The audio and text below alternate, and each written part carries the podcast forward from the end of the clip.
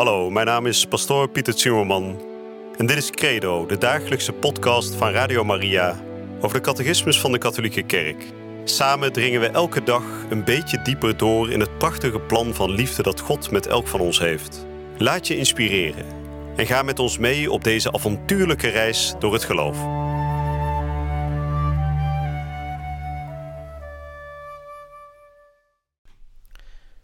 Vrienden, van harte welkom bij een nieuwe uitzending van de podcast Credo, waarbij we bij een belangrijk artikel uit de geloofsbeleidenis zijn aanbeland, namelijk het artikel dat gaat over de wederkomst van Jezus Christus.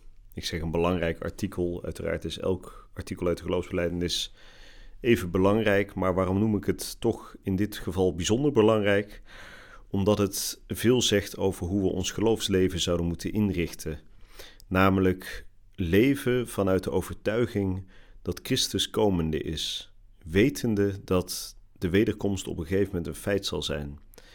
Dat de beloften die Jezus heeft gedaan hier op aarde uiteindelijk ooit tot vervulling zullen komen. En we weten dat Jezus niet heeft gezegd wanneer hij zal wederkomen. Hij zal komen als een dief in de nacht, zoals het evangelie zegt. En dat heeft hij natuurlijk met een reden zo ge, um, uh, geheim gehouden. De reden is waarschijnlijk dat we op die manier ook alert blijven, dat we niet verslappen. Op het moment dat wij een datum zouden weten, dan zouden we denken, nou het zal onze tijd wel duren. Als we nog een paar dagen um, voor de wederkomst uh, rechtop gaan zitten, dan is het wel goed. Nee, zo werkt het natuurlijk niet. We moeten het goede doen, zelfs als we God niet zien. We moeten Hem volgen en trouw zijn aan zijn verbond, ook als we niet rechtstreeks bewijzen krijgen van Zijn aanwezigheid.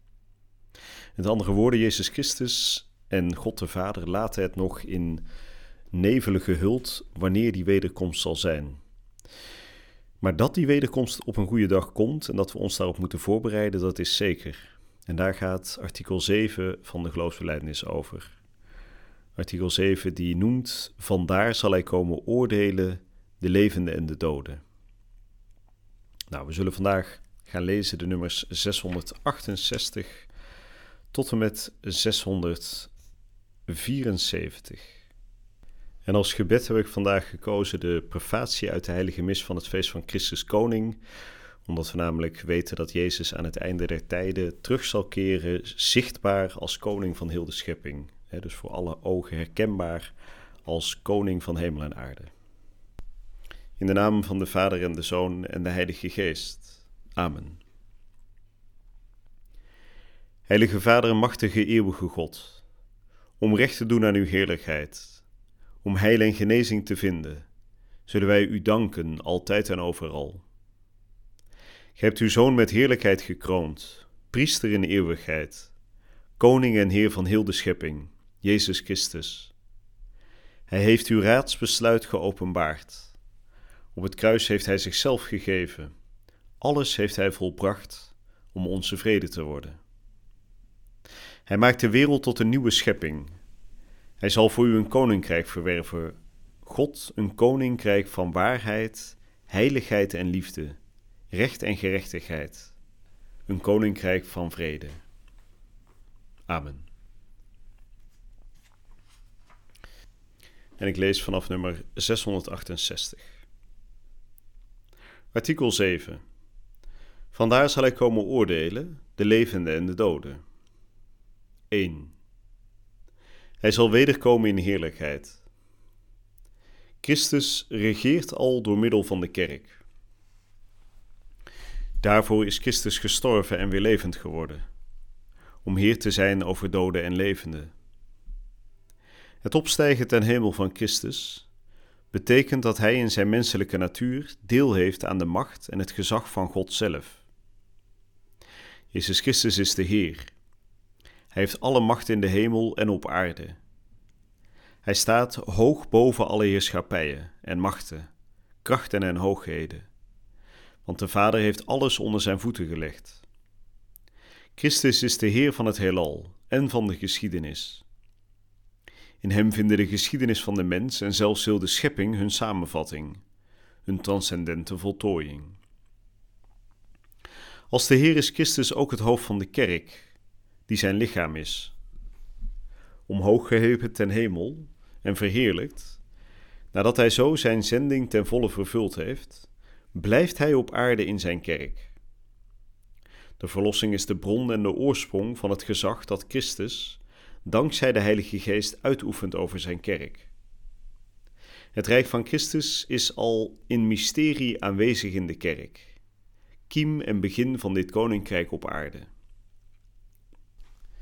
Sinds de hemelvaart is Gods helsbeschikking in de fase van haar voltooiing gekomen. We zijn reeds in het laatste uur. Zo is het einde der tijden reeds tot ons gekomen. En de vernieuwing van de wereld is onherroepelijk vastgelegd en wordt in deze tijd op reële wijze geanticipeerd.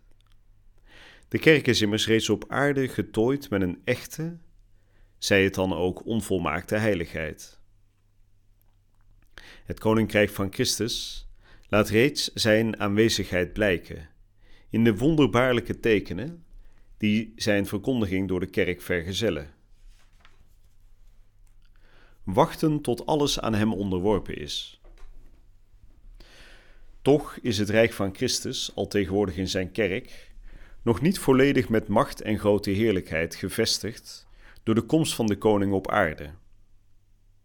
Dit rijk wordt nog belaagd door boze machten, ook al zijn deze reeds overwonnen door het Pasen van Christus.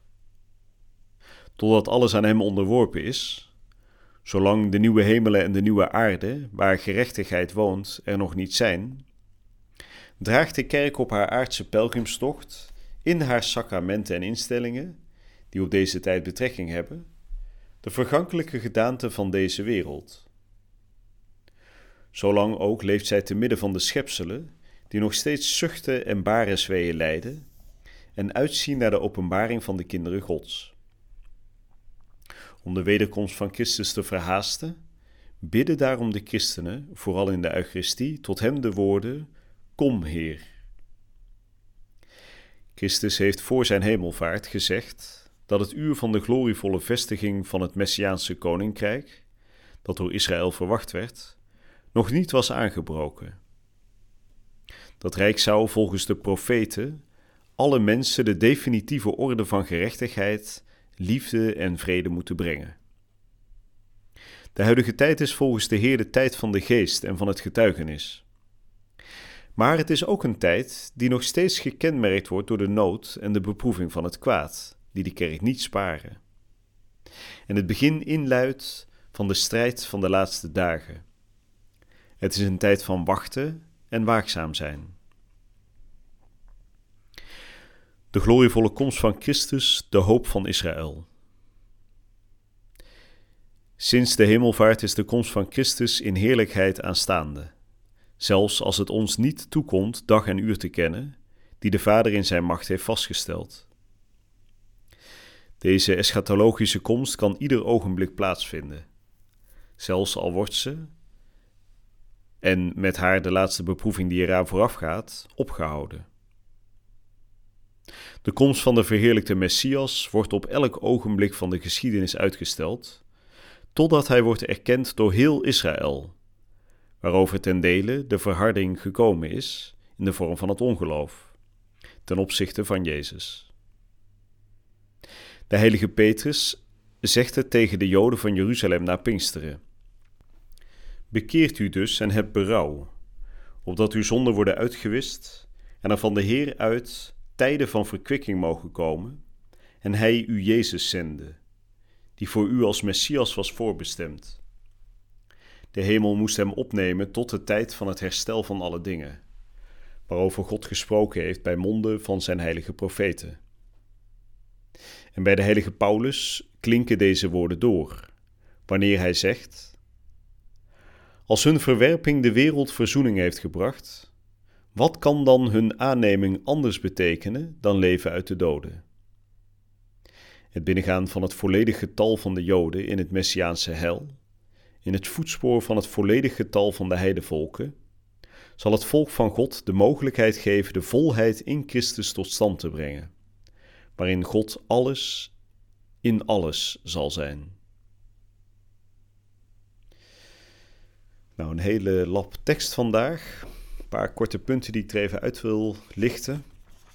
het is misschien wat veel om dat in één keer allemaal uh, helemaal te verwerken. Dus misschien goed om de uitzending nog een keer terug te luisteren. Uh, via uh, de herhaling of op een van de podcastplatforms. Um, maar wat wordt er gezegd? Er wordt gesproken over de wederkomst die al is aangekondigd door Christus toen hij nog op aarde was. En er wordt gesproken over de tijd nu, hè, hier op aarde, dus de tijd tussen de komst van Jezus Christus um, aan het begin van de jaartelling en zijn wederkomst aan het einde der tijden. Die tijd die daartussen ligt, is een tijd waarin het einde al is aangebroken, maar nog niet volledig is voltooid. Al is aangebroken, daar bedoelt de catechismus mee, het Rijk van Christus is al gesticht hè, en dat is aanwezig in de kerk. Hè, dus in de kerk heeft God zijn koninkrijk al gevestigd hier op aarde. En de catechismus die noemt dat dan zo mooi, het is het, de kiem en het begin van het koninkrijk op aarde. Maar het is nog niet volledig voltooid, hè, want het is nog niet overal zichtbaar geworden. En dat zal pas zijn bij de wederkomst, wanneer Christus ook zichtbaar zal heersen over zijn schepping. He, dan zal de tijd aanbreken van de nieuwe hemel en de nieuwe aarde. En waarom dan toch deze tussentijd, deze eindtijd die al wel is begonnen, maar nog niet voltooid?